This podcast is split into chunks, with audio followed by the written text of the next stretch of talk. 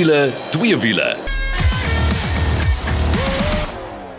Dis weer daai tyd van die week en Janet en Kaal wat saam met jou kuier en die derde lid van die Three Musketeers, Nicol Lou gaan later by ons aansluit. Hallo Kaal. Hallo, dis lekker om uh, terug te wees en saam met julle te kuier. Ons is nou by vlak 3, so baie meer mense gaan rondbeweeg. So dink die kar stories gaan weer optel. Verseker, ek het sommer 'n uh, huppel in by stap. Ons kan sommer meer beweeg en lekker oefen. Ons sien sommer uit na die week. Maar hoorie, ons het hierdie week vir jou lekker klop interessante nuus. Kyk, die media kan darm nuus heeltemal uit verband uitruk. Ons gaan later gesels met Wils Roubenheimer.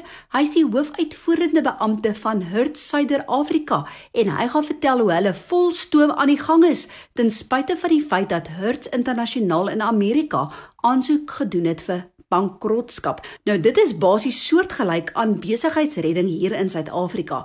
Dat ons 'n lekker padtoets en hierdie keer is dit met die Hyundai Atos, meer spesifiek die 1.1 Motion. Nou dit was ons voertuig gewees tydens die hele inperking tyd, so ons het lekker rondgerits met hierdie karretjie. Ons het weer 'n interessante wenk ook vir jou en die twee manne, dit is natuurlik Kaal en Nicol, het weer lekker rondgerits met twee wiele. Ja, dit gaan baie interessante twee wiele wees. Ek het moet 'n ou motorfiets gaan ry wat eintlik nog nuut is. Hy het maar 6100 km op sy klok maar hy is amper so oud soos ek en jy.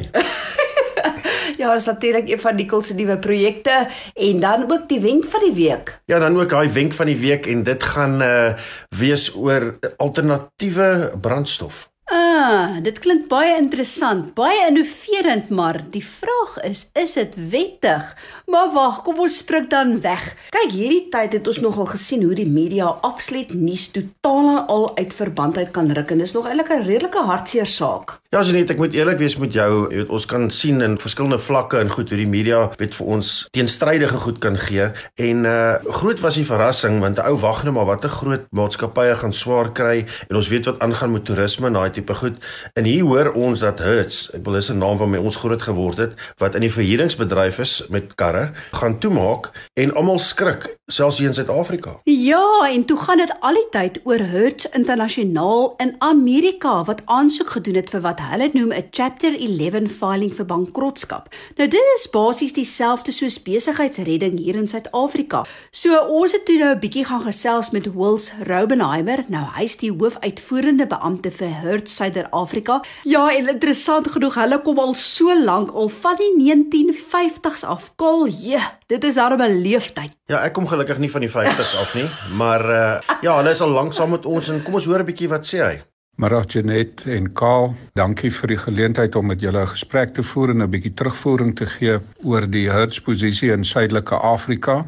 Hertz is in Suid-Afrika, Botswana en Namibië op die oomblik en ek wil net vir julle die versekering gee dat Hertz in die drie lande volstoom aan die gang is en dat ons oop is vir besigheid veral vanaf die vlak 3 ons is net huiwerig om by die lughawens in te gaan op die oomblik tot tyd en wyl ons sien wat Aksa gaan doen en wat die lugrederye gaan doen ten opsigte van vlugte Dit lyk op hierdie stadium asof uh, binnelandse vlugte eers op 'n latere stadium hervat gaan word en dit het 'n beduidende impak op ons besigheid omdat die grootste gedeelte van ons besigheid by lughawens gedoen word en dat daar geen rede sal wees om by lughawens te wees indien daar nie vlugte plaasvind nie. Ek is seker almal het die aankondigings en die nuus gesien dat Hertz internasionaal 'n chapter 11 filing gedoen het vir bankrotskap. Dit is soortgelyk aan ons business rescue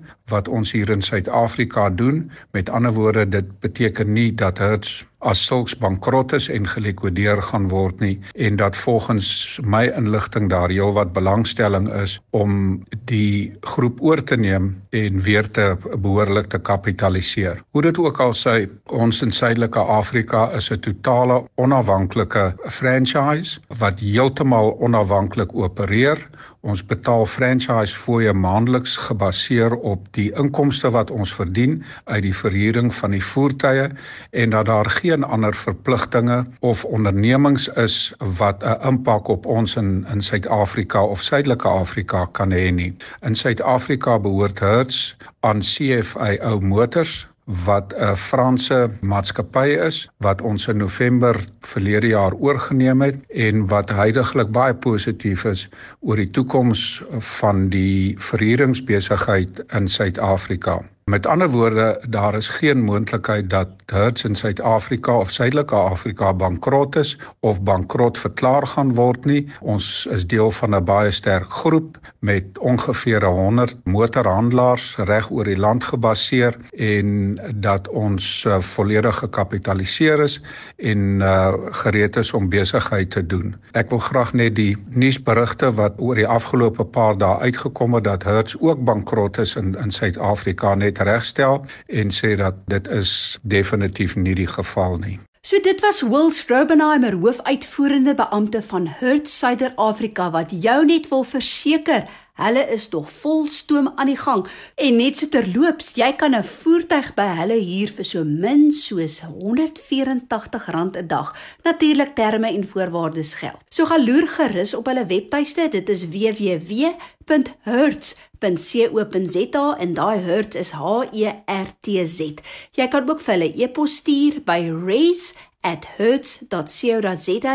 Hulle het selfs 'n WhatsApp lyn wat 24 uur beskikbaar is wat seker sal maak dat jy wiele kan kry wanneer jy wiele nodig het, veral nou tydens die vlak 3 van inperking. En net so terloops, hulle maak ook seker dat jy veilig is tydens hierdie COVID-19 epidemie deurdat die kar heeltemal ontsmet is. Kol, jy wil nie die lys sien waardeur hulle werk om seker te maak dat die kar ontsmet is voordat 'n kliënt die kar kry nie. So ja, as jy enige van hierdie inligting gemis het, gaan ek dit verseker vir jou op ons Facebook bladsy ook sit. Maar so nou van verhuurings gepraat, nou iets heeltemal anders ook binne in die industrie. Motus is een van die grootste motorgroepe in ons land. Hulle het meer as 300 handelaars En uh, hulle het 'n baie interessante studie gedoen, Kol. Ja, ek dink jy weet oor hierdie tyd het baie mense by die huis gesit en natuurlik kon nie daai geliefde ou karretjie gaan koop nie. Ons weet die ekonomie is moeilik. Daar is 'n uh, ontsettend baie weet goeders wat nie duidelik is nie en onsekerheid. Maar ek sê dit al lank en ek het aan die begin ook gesê ek was self vir jare in die motorbedryf gewees dat dit is nou die tyd om 'n voertuig te gaan koop. Weet of jy nou wil huis koop of kar koop, hierdie gaan 'n tyd wees waar ek dink daar uitstekende aanbiedings en goed gaan wees. Die handelaars gaan regtig beklei net om daai voertuig weg van die vloer af te kry. So jy moet regtig 'n bietjie rondloer en gaan kyk. Ja, verseker en ek wil een van die redes wat Motus dan gee om te sê hoekom hierdie die beste tyd is om nou 'n voertuig te koop, hoe bizar dit ook al mag klink, is goed soos wat mense noem cost of ownership. Ja, kyk, om 'n voertuig te besit is die grootste bydraende faktor as dit kom veral in Suid-Afrika hoekom mense voertuie koop. Sal baie keer sien weet op hierdie billboards so goed langs die pad dan sê hulle dat die kar kos soveel per dag om te besit. So ou kyk aan ons brandstofpryse is laag, die rentekoers is af wat jy in die banke uitleen en dit het alles 'n effek en ek dink is dan net is definitief iets wat 'n baie groot rol speel in jou besluit wat jy neem. En uh, ja, ek wil sommer by die deur in die huis inval as jy vat die kar wat ons getoets het want ek dink daai tipe voertuie gaan definitief in die toekoms baie meer verkoop. Beslis skaal want natuurlik ons onderhoudskoste is minder want ons ry minder, die rentekoers is minder, die brandstof is minder. Maar wag, nou eers oor na ons padtoets van die week en dit is reeds die Atos 1.1 Motion. En Hyundai, ek sal altyd onthou, Hyundai like Sunday, né? Ja nee, dit is hoe jy daai naam uitspreek en uh, ek moet vir jou sê ons het nou 'n paar kleiner karretjies gery, vergeet nou van daai 4 wa van 'n Alfa wat ons gehad het en uh, die blitsige BMW 1 reeks wat ons ook gery het. Janet, al hoe meer begin mense kyk na kleiner voertuie. Ek het kontak gehad met 'n paar persone oor hierdie afgelope maand waar hulle gesê het, weet jy wat, vir onder 200 000 rand, 160 160 of 140 000 rand kan jy 'n klein karretjie kry wat alles doen wat jou ander voertuig doen. Hy kry jou by die werk, is rondrits in die dorp. Jy gaan miskien nie vakansie gaan met hom as jy 'n groot gesin is nie, want daar is maar beperkte spasie. Maar hierdie Atos is vir my iets wat jy amper sê is 'n is 'n groot klein karretjie. En nou die lekker ding is ons het nou laasweek mos natuurlik van die Suzuki Espresso gesels. Hierdie is nou direkte kompetisie. Maar die verskil is daar is as jy nou appels met appels vergelyk, bietjie 'n prysverskil. Maar nou moet ek vir jou sê, die klein Atos het ons nou lank tyd mee spandeer. So ons het met hom geleef. En uh, dis 'n 1.1 liter. Jy kyk na 50 kW en jy kyk na 99 Nm wringkrag. 'n 5-spoed handrat. Nou net so vinnig ook. Hierdie Atos was natuurlik een van die finaliste vir die Auto Trader kar van die jaar en hy het toe op die oud en sy kategorie gewen wat die urban kategorie is vir klein goedkoop karretjies. En so ek het tog al hierdie voertuig nogal redelik deur sy passies gevat veral om 'n renbaan en hoorie was ek nou beïndruk. So wanneer dit by hantering kom, lekker nippie, daai enjinkie is lekker lewendig. Ek kon ons het nou regtig by die voertuig geleef. Ja, ek moet moet vir jou sê, weet dit is nogal interessant as jy gewoond is om baie keer by 'n brandstofstasie te stop om brandstof in te gooi op 'n petrolstasie en jy het hierdie tipe dinge dan ry die hele tyd verby dit.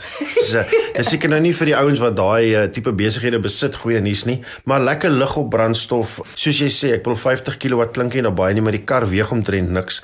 Sy hantering en goed is regtig baie goed en hy het alles in die binnekant wat jy nodig het in 'n moderne kar as dit kom by Bluetooth en al daai tipe goed. Hy's volgelaai met spesifikasies en ek dink een ander groot ding wat ook vir my uitstaan is natuurlik daai lang waarborg wat Hyundai het. Ja, en om 7 jaar 200 000 km waarborg te hê, kan jy nou dink jy ry die kar vir omtrent 4 jaar en dan besluit jy miskien jy wil hom verkoop en dan kan jy hom verkoop. Daar's mooi na hom gekyk en die ou wat dit wil koop weet dit is hy het gemoedsrus. Net so vinnig op die brandstofverbruik ook. Die amptelike verbruik is 5.7 liter per 100 km. Ek weet ons het gekry so 6.8, maar ek bedoel hallo, ek weet ons ry ook nou nie die hele tyd soos wat ons veronderstel is om te ry nie, maar 'n lekker rondritskarretjie. Goeie spasie in die binneruim, lekker gemaklike sitplekke. En weet jy daar's nie regtig veel wat my gepla het nie. En weet wat wel interessant is, skaal, ek het so in een van parkeerarea langs 'n ou Atos parkeer. En daar's wêrelde verskil tussen die ou en die nuwe, veral oor hoe hulle lyk, né? Ja nee, Janet, ek dink regtig dat hierdie nuwe een het tipiese Hyundai lyne. Is is my interessant hoe sekere handelsmerke soortye weer dieselfde tipe basisvorm het en uh, definitief Hyundai groot kwaliteit soos ek sê, seker een van die betroubaarste handelsmerke op ons paaie. So jy kan die Hyundai Atos 1.1 Motion optel vir onder 163 000 rand. So gaan loer bietjie as jy in die mark is vir een van hierdie goedkoop rondrit stadskarretjies en kyk, dis ook nie meer goedkoop is duurkoop nie, hoor. Dis Dis nou kwaliteit wat jy kan koop in hierdie bekostigbare stadsvoertuie. Maar wag, kom ons gaan hoor eers by die derde lid van die span, natuurlik Nikkel. Wat dink hy van die Atos? Want ek weet onder andere het die Atos nou onlangs ook 'n toekenning losgeslaan by Kaarttydskrif se toekennings vir voertuie onder 185 000 rand. So net ek onthou nog daai vorige Atos wat ons gekry het in Suid-Afrika. En kyk daar's net een manier om hom te beskryf en dis 'n broodwaandjie. Maar uh, die nuwe een is daarom nou baie mooier baie ronder baie meer modern. En uh, ja die goeie nuus vir die Atos is is by kaarttydskrif het ons hom uitgekies as die beste intree vlak voertuig wat jy kan koop vir onder 185 000 rand. En ek moet sê dis nogal 'n prys om weg te stap mee in ons mark. As ons kyk na die oppositie wat in daai mark is, is soos Kia Picanto, Suzuki Celerio, Suzuki Swift, Suzuki Desire, die Peugeot 108 En eh, ag ons ken die die Renault Kwid en die Datsun Go, so is 'n vol mark daar om daarmee die prys weg te stap. Moet vir jou sê dat is iets spesiaals in hierdie kar. En ja, hy het al die veiligheidskenmerke wat jy wil hê, jou ABS, jou lugsakke. So definitief, dis iets om na te gaan kyk en ek dink in die tyd wat ons nou leef, waar die mense regtig waar afskaal van luukse karre na meer iets bekostigbaar, maar uh, wat 'n waarborg het en wat betroubaar is en wat vir jou kan doen wat jy moet doen, begin hierdie intree vlak karre al hoe meer belangriker raak. En uh, ek dink ons moet al hoe meer tyd ook op in hulle spandeer om vir ons luisteraars te sê wat is die beste een om te koop. Maar vir nou, soos ek gesê het, dit is Kaar se keuse, se top 12 wenner in daai kategorie en jy sal nie 'n fout maak nie. Dis nou eers tyd vir asemskep en dan is ons terug met twee wiele en ook 'n lekker wenk van die week. As jy nou net ingeskakel het, dis wiele twee wiele saam met Karl en Janet en Nicole gaan amper by ons aansluit. Dis natuurlik hierdie week vlak 3, jippie hoera. Dit beteken natuurlik goeie nuus vir Ironman 4x4 ook. Ja nee, ek dink hulle deure is al lankal oop, maar is nou tyd jy mag nou 'n bietjie meer vrylik rondbeweeg. Ek weet nie of jy al met vakansie kan gaan nie, maar uh, dis definitief nou die tyd om ook na hulle toe te gaan, kyk wat se aanbiedings hulle het en kry daai 4x4 van jou reg vir die boondoes. Nee, verseker ons het laasweek mos nou so lekker gesels oor wegbreek plek en plekke waartoe mens kan gaan. So kontak gerus vir hulle, dit is so maklik soos www.ironman4x4.co.za of jy kan hulle ook e-pos en dit is info@ironman4x4.co.za en hulle bly die markleiers wanneer kom by 4x4 toebehore vir jou 4x4 en daai wegbreek vakansie waarna jy beplan. Maar Kaal, nou oor vir die wenk van die week. Soos beloof altyd lekker om te kuier saam met Nicole Lou want dis 'n uh, tegniese ou wat soveel weet. Maar Nicole, jy weet almal's in besparing en goed in en ek weet almal probeer die hele tyd planne maak. Ek het nou al gehoor van ouens in die ou dae by Two Strokes waar hulle gesê jy kan visolie gebruik. Maar hierdie is nou 'n kar storie en diesel is nog altyd die betroubare ding om te doen en die jy weet as ek kyk na na ligte brandstof en sulke goed, maar jy het nou 'n baie interessante vraag gekry. Ja, Karl, ek kry 'n anonieme brief wat 'n ou wat wil raad hoor van iemand anders wat nou blykbaar wil parafin ry in plaas van diesel. Nou uh, kom ons begin sommer by die begin en te sê dit is totaal onwettig om parafin te ry in jou dieselvoertuig. Die rede hoekom die manne dit wil doen is jou parafin is natuurlik nou goedkoper as jou diesel en alrede daarvoor is daar se belasting op parafin padbelasting in elk geval soos wat jy op diesel sal kry nie. En um, net 'n vinnige waarskuwingkie daarso, hulle sit 'n tracer produk in parafin sodat as hulle 'n toets sample van jou diesel trek en hulle vind 'n bietjie van daai in as jy 'n groot moeilikheid dis belastingontduiking en al daai goeters. Kom ons praat gou vinnig, jy weet ek sê baie keer vir ouens, jy weet die moderne karre is gemaak vir 5 ppm en party plekke selfs minder. En uh, veral in Suid-Afrika waar ons 50 het en almal dink, "Joh, dis bitter skoon." Jy weet ons gewoond aan 500 wat so vuil is, is nie 'n snaaks nie. Gaan dit regtig 'n beter opsie of 'n goeie keuse wees om dit te gebruik? Kali, ding van parafin is jy kan teoretiese 'n diesel enjin daarop laat loop, maar onthou nou net parafin se viskositeit is baie laer as die van diesel. En die groot probleem daarmee is dat jou smeermiddel of die smeerkwaliteite van diesel is nie in parafin nie. Onthou, diesel het baie pakkette, hierdie bymiddelpakkette by wat gemaak is vir jou enjin om hom optimaal te laat loop en ook te smeer. Onthou jou dieselpomp moet gesmeer word en die diesel smeer. Nou gebruik jy parafin En uh, ewe skielik is daai smering heeltemal weg en uh, onthou ook jou injectors is 'n hoë presisie komponent en is baie klein gaatjies en is naaltjies en goedjies wat beweeg daar binne. Dit is baie fyn en as hy ewe skielik nie smering het nie, dan gaan hy vir jou moeilikheid gee. So op die ount van die dag, dis nie die moeite werd nie. Daai bietjie geld wat jy gaan spaar, behalwe dat jy miskien 'n kriminele rekord gaan kry, jy gaan groot skade kry. Maar sê vir my, jy praat van smering en goed en ek weet in die ou dae het die ouens gepraat van loodvrye petrol en petrol met lood en is dit maar dieselfde tipe storie? Ja, nou nie heeltemal nie. By petrol is dit natuurlik nou gaan dit oor daai valve seats wat uh, die probleem vir jou kan gee maar die moderne engines is almal nou natuurlik reg met loodvrye brandstof. Net nog iets op die diesel sage het jy al gehoor van ouens wat op ou chipolie ry diesel? Het al daarvan gehoor? Ja nee ek het definitief daarvan gehoor en dis hoekom ek so ge, gegrap grap het oor die die tweeslag ouens wat gesê het jy kan visolie gebruik vir smering. Ek weet daar's daai organiese tipe ding waarna die ouens kyk maar werk dit regtig in die moderne engine? Want vir my is die nuwe diesel of die moderne diesel engine is iets heeltemal anders as die ou skool Nee, verseker, jy gaan dit nie met 'n nuwe uh, voertuig probeer nie, maar gaan Google 'n bietjie chip oil, old chip oil, dan kyk jy wat die ouens aanvang. Hulle gebruik hierdie ou diesel masjiene wat nog sonder turbos is en uh, daai injectors het sulke toleransies wat enigiets amper kan deurstoot. En uh, as jy jou chip olie wil gebruik, Dis natuurlik ook totaal onwettig, so moet dit nie doen nie. Natuurlik moet jy hom eers skoon kry, jy moet hom sif, jy moet hom eers gereed kry, dan moet jy homself, dis 'n toestel wat in jou voertuig sit wat daai olie eers op temperatuur kry. Jy, jy gaan begin eers op diesel, dan skakel jy oor op die chip olie of die, die sonneblomolie dan nou. As hy eers op 'n temperatuur is en dan kan jy moet hom ry en ek dink dit ry seker na fish and chips agter jou. En dan voor jy afsit moet jy onthou om weer na diesel te oor te skakel want as daai goeters eers begin koud raak in die stelsel, dan gaan alles verstop wees. So dis 'n groot risiko maar daar's ouens wat wat lekker lag en met ou chip olie ry in hulle baie ou voertuie.